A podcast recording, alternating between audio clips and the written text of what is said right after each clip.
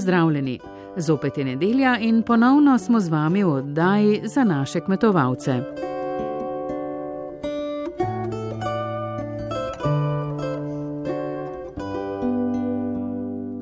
Danes vas bomo skušali navdušiti nad vzgajanjem začimbnic, gojili bomo česen, se mudili na tekmovanju gozdnih delavcev in obiskali najviše ležeči zaselek in turistično kmetijo južno od Ljubljane. Na koncu bomo pristavili še povabilo na festival slovenskih sirarjev. Povabljeni, da se pridružite našemu potepu.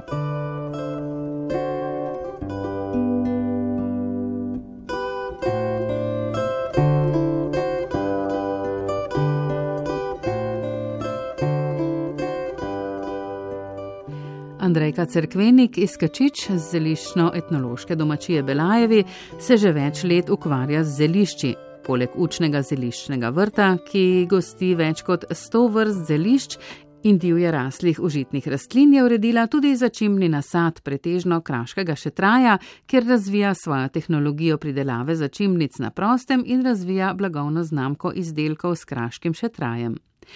Slednji se lepo ujame z različnimi lokalnimi proizvodi in jedmi. Prizadeva si, da bi se z začimbnicami začelo ukvarjati še več pridelovalcev, prepričana pa je, da se moramo o njih začeti več pogovarjati. Vse premalo se zavedamo, da so začimbe tudi izjemne zdravilne rastline. Govorimo seveda o kakovostnih začimbah, ki so pridelane in predelane tako, da ohranijo snovi, s katerimi pozitivno vplivajo na naše zdravje. Tašno uporabo še vedno prakticira praktično dve tretjini sveta. Začimbe razveseljujejo, vplivajo na naše počutje prek vseh čutil, zato je res koristno, da se jih spozna in tudi redno uporablja. In če pogledamo malo v zgodovine, so bile začimbe v preteklosti celo valuta, so bile luksus, zaradi njih so se odpirale nove svetovne trgovske poti, so se odkrivali novi svetovi, celo vojne eh, so bile zaradi njih. In najprej so se uporabljale v medicinske namene in so ohranjali recimo zapisi že izpred 5000 let, sumerci namreč. Šele kasneje se je razširila uporaba na kulinarično in kozmetično. In to je danes za nas nepredstavljivo, ma vseeno se je smiselno vprašati, kaj je v teh začimbah, da so bile tako pomembne in mamljive za svetovne velesile ker pri nas se je njihova raba zreducirala na uporabo v kulinariki, tako da okrasijo krožnik in malo za okrožijo okus ma to ni njihovo poslanstvo. Ne? Tako da jaz rečem, da začimbe dodajajo življensko silo jedem. Še v 80-ih letih sta nabiranje zelišč in prodaja na odkupnih postajah predstavljala dodaten vir zaslužka mnogim kmetijam. In imam celo en cenik iz ene odkupne postaje iz 80-ih let in tam se vidi, kaj vse praktično se je nabiralo v naravi. Ne? No in to nabiralništvo, pa tudi plantažno gojenje zelišč, razen hmelja, za potrebe prehrambene in farmacevtske industrije je po osamosvojitvi Slovenije kot kmetijska panoga posod po državi praktično zamrlo. Danes recimo o zeliščarstvu, sploh pa o pridelavi začimb kot resni kmetijski panogi v Sloveniji zaradi nizke stopnje pridelave praktično sploh ne moremo govoriti. Pridelava je pretežno skoncentrirana na posamezne zeliščarske kmetije, nekaj je zdaj zeliščarskih centrov, ki delujejo nepovezano in tržijo izdelke v lastni režiji. Recimo imamo pa izjemno bogato zeliščarsko dediščino, ki pa se ohranja pretežno preko ljubiteljskih teh zeliščarskih društev, ki so izjemna slovenska posebnost. Veliko divje raslih rastlin je užitnih in primernih za pridelavo in uporabo v visoki kulinariki. Večji del Slovenije ima ugodne pogoje za vzgojo začimnic, jugozahodni del pa je še posebej primern za vzgojo mediteranskih. Pogoji za vzgojo začimb so zelo nezahtevni. Vzgoja je primerna za majhne, razdrobljene površine. Večinoma začimbnice ne potrebujejo namakanja, zaščite s fitofarmacevskimi sredstvi, so zelo skromne in manj, ko jih razvajamo, bolj nas bodo obdarile s tistim, kar pravzaprav želimo od njih. Tako da mislim, da se tukaj sešteje par teh ugodnih vplivov, ki so uprit temu, da bi se ljudje začeli bolj intenzivno in predano ukvarjati z začimbami. Na Belajevi domačiji ima glavno besedo še traj. Je osrednji lik njenega avtorskega projekta, ki ga izvaja že šesto leto. Uredila je testni začimbni nasad in razvija svojo tehnologijo pridelave. Gre seveda za manjši nasad in moram poudariti izključno ročno pridelavo, brez uporabe dodatkov v obliki gnojil, škropil, namakanja, ker je za kakovo začimb, kot sem že povedala, izjemnega pomena. Največ seveda je sadik kraškega šetraja, nekaj čez tisoč to zgleda malo, ampak za obdelavo resno tako, kot pač sem se jo jaz lotila, to kar že projekt. Potem pa imam še druge začimbe trajnega tipa, to so žajbel, origano, več sort timija, nasilke, smilja, rožmarina, potem je tu še mal citronke, žepk, različne lukovke, mal koromača, muškatna kadulja, vsega pač pomalo. In vsako leto, že šesto leto, dodajam novo tesno polje sadik, da nekako zagotavljam kontinuiteto in sledljivost in predvsem spremljam, koliko let lahko začimbni nasad po tej moji tehnologiji preživi. Ker če želimo približati ljudem to dejavnost, je dobro vedeti, kaj lahko pričakujejo od začimbnic, ki so jih pač dali v zemljo. Še traje je v bistvu resna začimba, ima močen temperament, po naravi je oster, pikanten. Jaz mu kar rečem kraško kulinarično zlato ki ima poleg odlične arome v kulinariki tudi številne pozitivne učinke za zdravje, je visoko na lestvici med antioksidanti. Jaz bi rekla, da je tak generalni čistilec, razkuževalec, vendar je pa tudi eh, specialist. Predvsem v kulinariki je zelo zaželjen pri pripravi stročnic, ki rade napenjajo, se pa dobro znajde tudi v družbi slanih, kislih, tudi sladkih jedi vse stransko uporabna začimnica, ki pomaga, da hrano lažje prebavimo. Zamikal jo je iz več razlogov. Z imenom označuje svoj glavni življenjski prostor, kras, ki je edinstven v svetovnem merilu. Poleg tega je še dokaj nepoznan, raste divje, samoniklo v naravi in ni plevel, kot mislijo nekateri. V naravi se on mora boriti v zelo zahtevnih razmerah, zato se je moral zaščititi snovmi, ki ga ohranijo pri življenju, hkrati pa te iste snovi varujejo tudi nas. Slovenija se če dalje bolj uveljavlja kot zelena in gastronomska butična destinacija in čeprav bomo čez dve leti postali Evropska gastronomska regija, je zaznati pomankljivo znanje o vsestranski uporabi začim po kulinariki. V sodelovanju z državo pa bi lahko poiskali sistemske rešitve. In sicer, da bi s podbudami ukrepi dvignili butično ročno pridelavo zelišč na podeželju, seveda po drugi strani tudi povečali popraševanje, to gre z roko v roki, usposobili kader, tako sektor gostinstva, hotelirstva, turizma, javni sektor na področju izobraževanja. In predvsem je ena taka operativna zadeva, ki še ni rešena. Ne? Pridelava začimb na trajnih nasadih je v osnovni kmetijski dejavnosti, medtem ko sušenje zelišč v sušilnicah je v dopolnilni dejavnosti. In tu je zdaj res ena taka dilema, kdo se bo zdaj ukvarjal recimo s tem, ker so potem prispevki, potem vse veste, kaj spada še vse potem v dopolnilno eh, kmetijsko dejavnost, eh, so prispevki, potrjevanje računov in tako naprej in tu se potem niža interes za pridelavo. In predelavo, seveda, če bi se na tem področju kaj premaknilo, mislim, da bi to zelo ugodno vplivalo na večjo zainteresiranost za pridelavo zelišč in začimb na podeželju. Dekle je prala srajčki dve, dekle je prala srajčki dve na sredi morja te vode. Eno je prala bratecu, pa drugo svojemu ljubemu pa drugo svojemu ljubemu. Če tega ljubega izgubim, če tega ljubega izgubim, pa drugega nazaj dobim. Če tega bratca izgubim. Če tega bratca izgubim, pa drugega več ne dobim. Česen je ena od kultur, ki se večinoma prideluje na domačih vrtovih. V zadnjih letih pa se za intenzivno pridelavo odločajo tudi kmetije.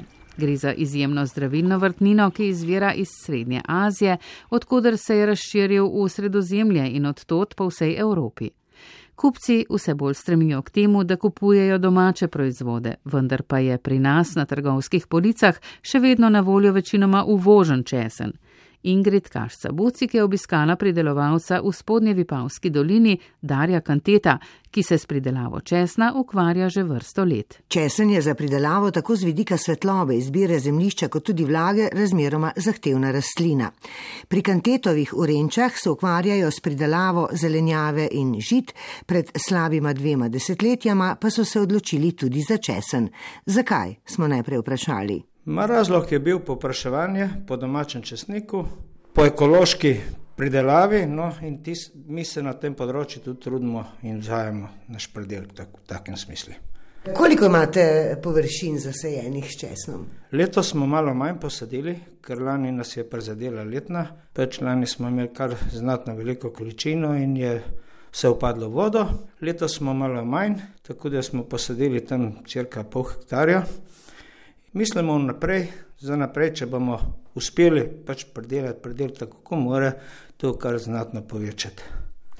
Vi imate torej domačo sorto, slovensko sorto, kje ste jo dobili? Tako lani smo bili že malo razočarani, smo hmalo prišli ob svoje seme, tako da smo uspeli ohraniti vsaj eh, toliko, da smo ostali pri svojem semenu. Semena pa smo pa dobili še od moje mame, Od non smo se trudili pač vse tle avtohtona domača sorta, no, tako bom rekel. Rekli ste, da je bila lansko leto eh, seveda zelo slaba letina, eh, letos pa menda kaže boljše. Koliko računate, da bo? Ma, letos je kar lep predelk, bom rekel, no, zelo kvaliteten tudi in bo cirka tam od 1000-1300 kg, tako da smo zadovoljni na, na tisto, kar smo posadili, ne, ker tudi posadili smo malo manj kot druge leta. Pravite zanimanje, povpraševanje po eh, domači sorti česna, eh, kako prodaja, kje iščete, eh, kje imate kupce, odjemalce? Ma zaenkrat uspemo več ali manj vse doma prodati, pač tle širša okolica nas pozna dobro, poznajo naše delovne navade, našo vzgojo, bi rekel tako, da pač prna so roke in motike tiste, ki ustvarjajo te predelke, tako da so ljudje zadovoljni, ker vejo, da je pač ta prava roba dobijana od nas. Pridelava nekako po starem načinu pomeni, da ne uporabljate eh, nobenih posebnih eh, gnojil, nobenih posebnih eh, zatiralcev. Pač prav na tem je poudarek pri nas, ker mi nismo neki profesionalni kmetje, to je pač naše volonterska pridelava, se ukvarjamo tudi z drugimi zadevami, zelenjava in take žita, koruze domače.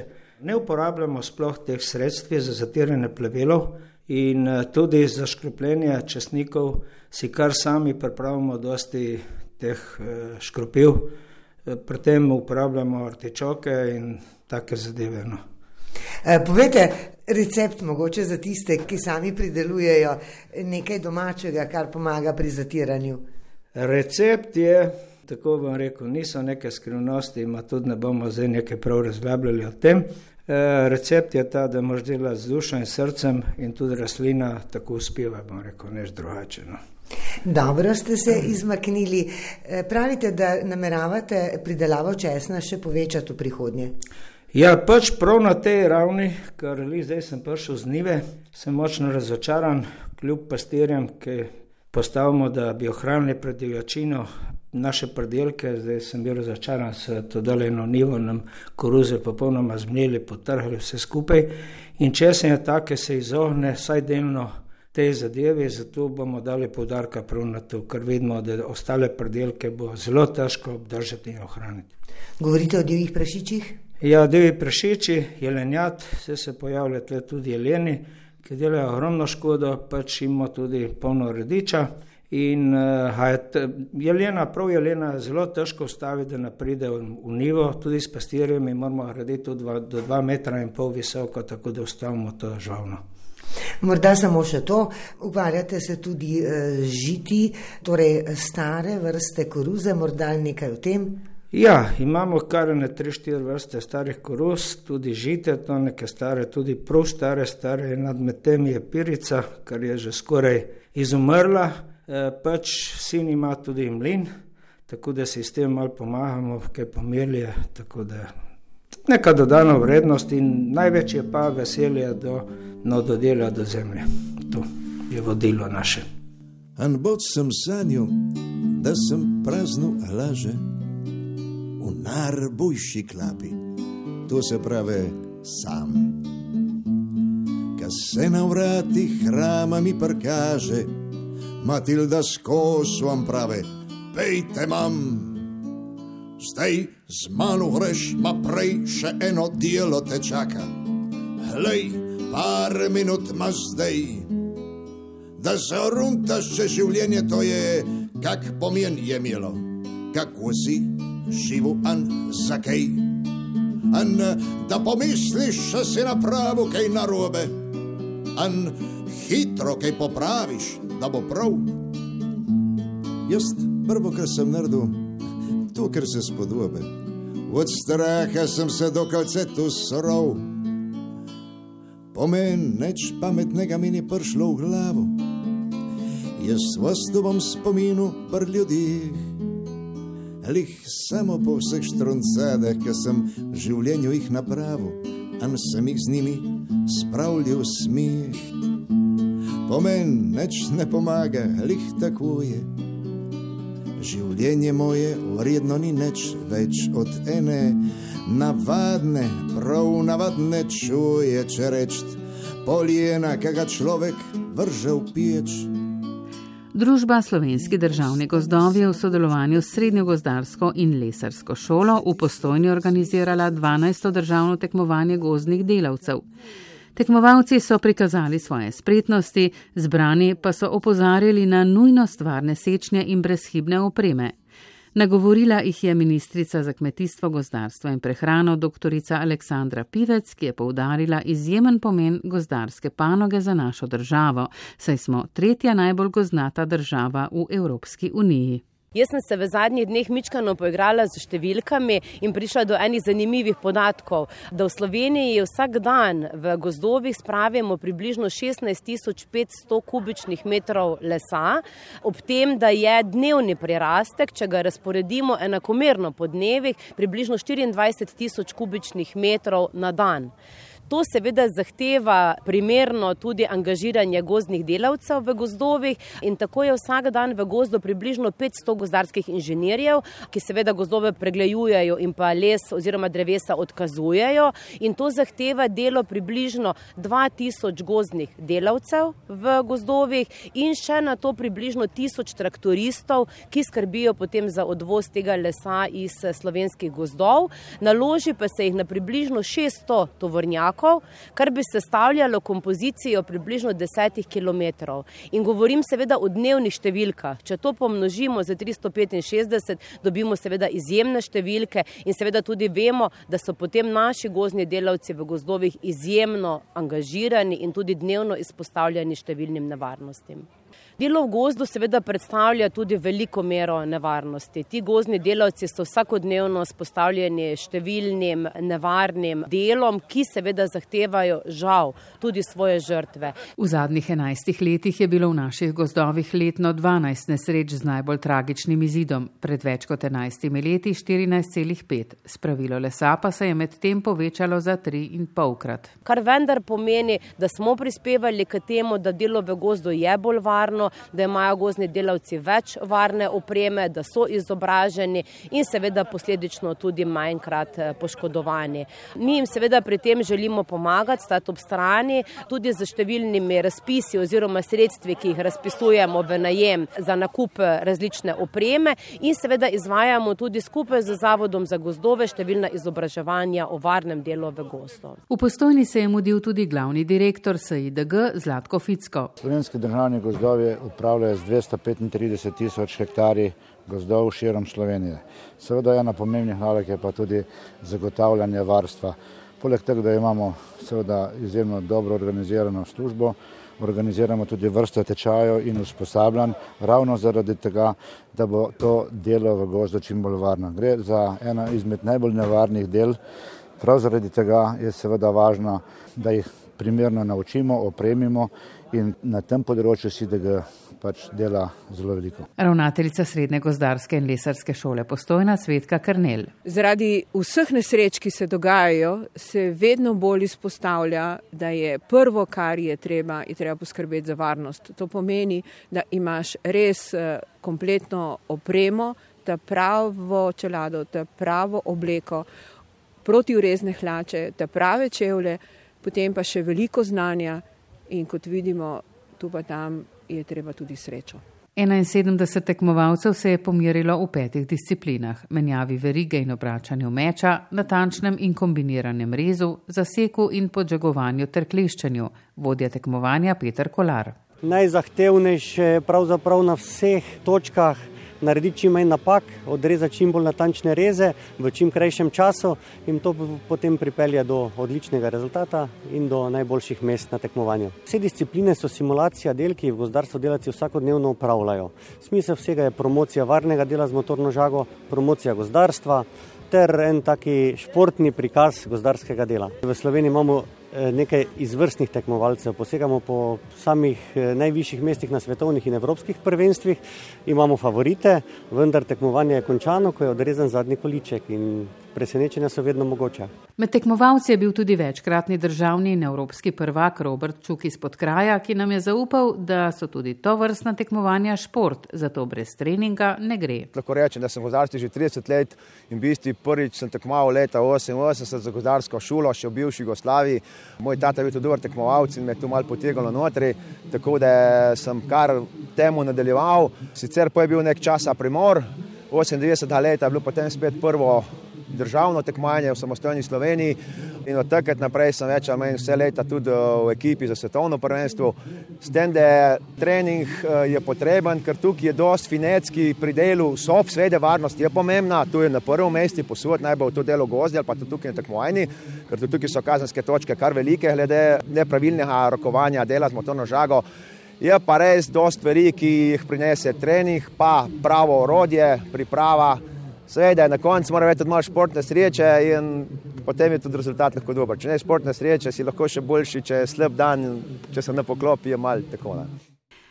Najboljši je bil tokrat Janez Meden pred Blažem Jurjavčičem in Matijo Oblakom. Med ekipami je zmagala Huskvarna pred Štil timom Slovenija in Gozdom Ljubljana. V ženski konkurenci je slavila Ines Frančeškin, v kategoriji do 24 let pa Domen Lahajnar.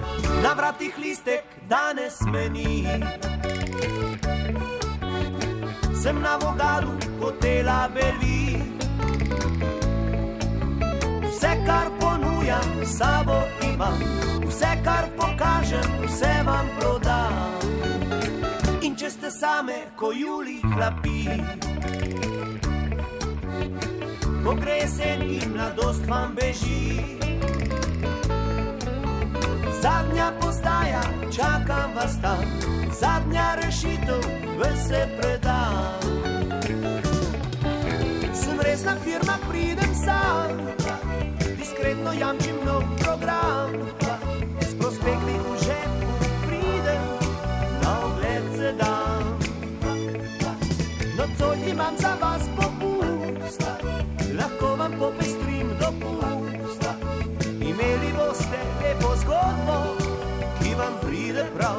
za dolge noči, ko nikogar več ni pokaži Frida ter rdeče oči. S pogledom nemškim na svet in ljudi.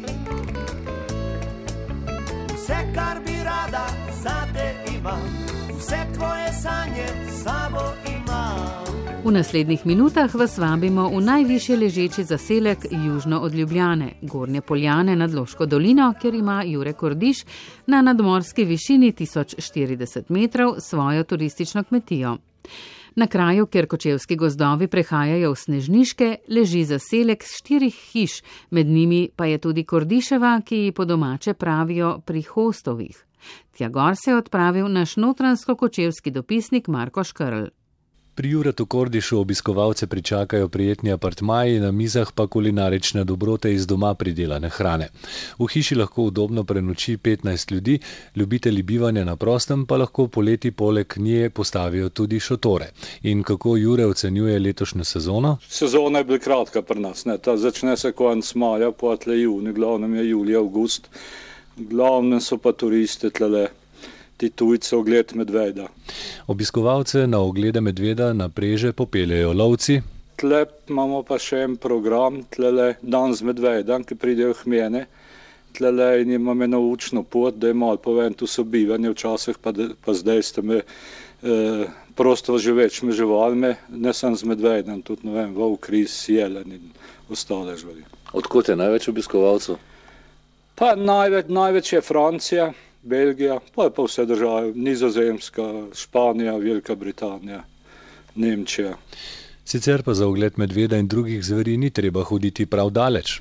Ja, tle so skus okulne, ko nas to je kaj na kaj na domače žival. Tle, ki zdaj stoji, med dva eno, eno grozdje, imam tle gor eno trto, sicer je brez esenca, ampak dar dozori tle čez ta kamin pridejo gor in pojejo malo grozdje. Tle na mizi je lahko videti sledove kremple od medvedah so gor prišli pa tako.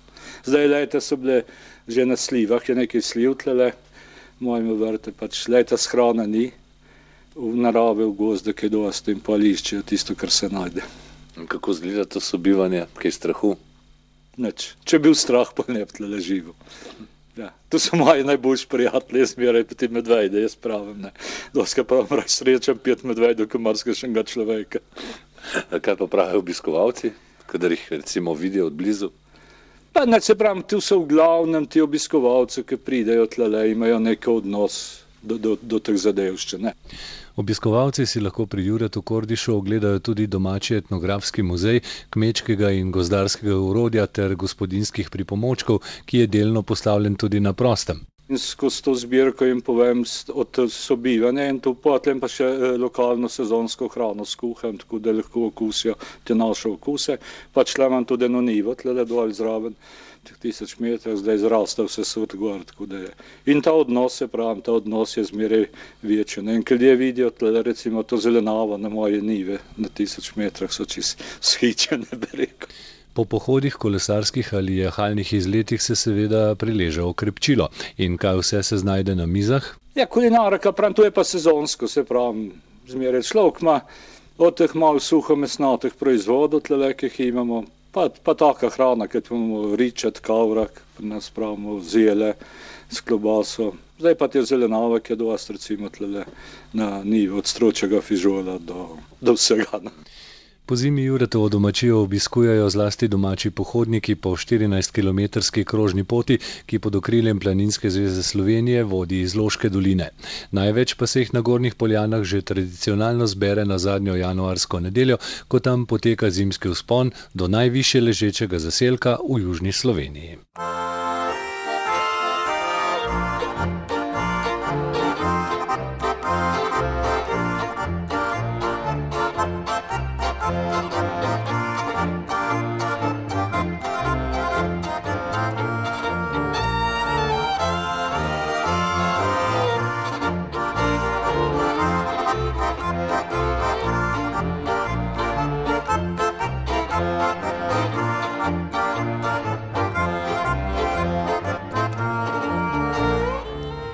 Prihodni torek, 1. oktober, bo na Brdu pri Kranju drugi festival slovenskih sirarjev, ki ga organizira Združenje kmečkih sirarjev. Slednji si želijo, da bi festival postal vsakoletni dogodek, pomemben v domačem in širšem evropskem prostoru. Festival bo predstavitev slovenskih kmečkih sirov in veliko kulinarično doživetje. Za nadaljne ohranjanje dediščine izdelave pristnih sirov iz surovega mleka bi kmečki sirari potrebovali strokovno podporo, plačano strani države, jer neka drolec. Letošnji drugi festival slovenskih sirov bo nekoliko skromnejši kot lani, ko je Združenje kmečkih sirarjev praznovalo 20 let, pravi Milan Brence, predsednik združenja. Na sejmu bo pestro ponudbo raznolikih sirov predstavilo 30 kmečkih sirarjev in nekaj večjih siraren. Sejem bo imel bogat program in bo ponujal veliko kulinarično doživetje, predvsem pa je to, kot povdarja Brence, priložnost za druženje, kar sirarjem zelo manjka. Danes je v Sloveniji tak, po neuradnih podatkih ene 300 kmetij, ki se že aktivno ukvarja s predelavo mleka. Od tega, če upoštevamo, da je 150 kmetij, kjer se sirari in je zdaj na brdu pri Kranju prisotnih 30, se mi zdi, da je še veliko dela, bi vsem želel, da je vsaj polovica aktivnih kmetij, ki sirarijo prisotnih na tej prireditvi in da ta stvar res preraste v eno res nekako slovensko, sirarsko zgodbo, ki bo tudi v tem delu Evrope nekaj pomenila. Da se je prijelo, vidimo tudi po odzivih iz tujine, ne, ljudje se odzivajo na to, letos so želeli na tem festivalu sodelovati tudi že gostje, ampak nekako sem bil tega mnenja, da moramo najprej sami utrditi to, da je stvar res utečena in nekako sprejeta med domačim občinstvom, potem lahko tudi povabimo v goste svoje sotrpine in jim pač jih vključimo v to promocijo, ki si jo gremo slovenski sirari. Potrošniki bodo sicer lahko spoznavali sire in sirarje. Slednji bodo imeli v prihodnje možnost, da se udeležijo prostovoljnih izobraževanj, ki jih bo organiziralo Združenje kmečkih sirarjev v zvezi z vodičem dobre higijenske prakse, ki od leta 2017 velja za vso Evropsko unijo. Omenjeni vodič je izdelala Evropska zveza kmečkih in obrtnih sirarjev FACE, katerega član je že dve leti tudi Slovensko združenje kmečkih sirarjev. Predstavnica v Evropski zvezi Irena Orešnik. Za nas to pomeni bistveno manj pregovarjanja, kaj lahko, kaj ne, ker velja za vse in je potrjeno. V letu 2020 po dogovoru z veterinarsko upravo Republike Slovenije preidemo iz slovenskega vodiča na evropski vodič in računamo nekako do konca leta 2021, da bomo naredili nov cikl izobraževanj. Kar se tiče izobraževanj, bo Združenje kmečkih sirarjev Slovenije oktobra udeleženo tudi na konferenci Evropske zveze, ki bo v španski Valenciji na temo surovega mleka. Kjer bo sodelovala zelo pomembna uh, srednja um, strokovnjakov in znanstvenikov, tako z področja um, prehrane, eh, medicine, mikrobiologije um, in še več. Torej, um, Evropsko združenje želi na, tudi z rekel, podporo znanstvenikov dati večjo veljavo naravnim izdelkom, izdelkom iz surovega mleka, tako kot so se siri tradicionalno pridelovali. In to je tudi tisto, kar si v našem združenju um, želimo. Trenutno imajo kmečki sirari izjemno velik potencial v znanju svojih članov, a kmečko sirarstvo bi za večjo stabilnost delovanja na dolgi rok potrebovalo in to najbolj pogrešajo večji odziv in podporo mlekarske stroke.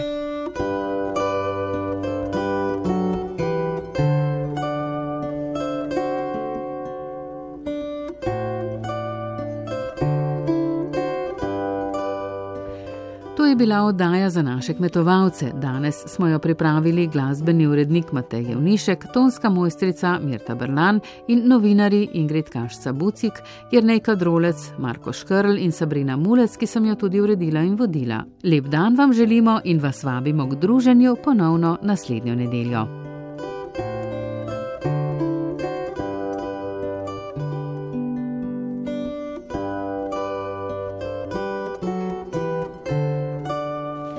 Še vremenska napoved od 3. do 8. oktobra. V četrtek se bo nad Alpami začelo krepiti območje visokega zračnega tlaka, ki bo na to ustrajalo predvidoma do konca tedna.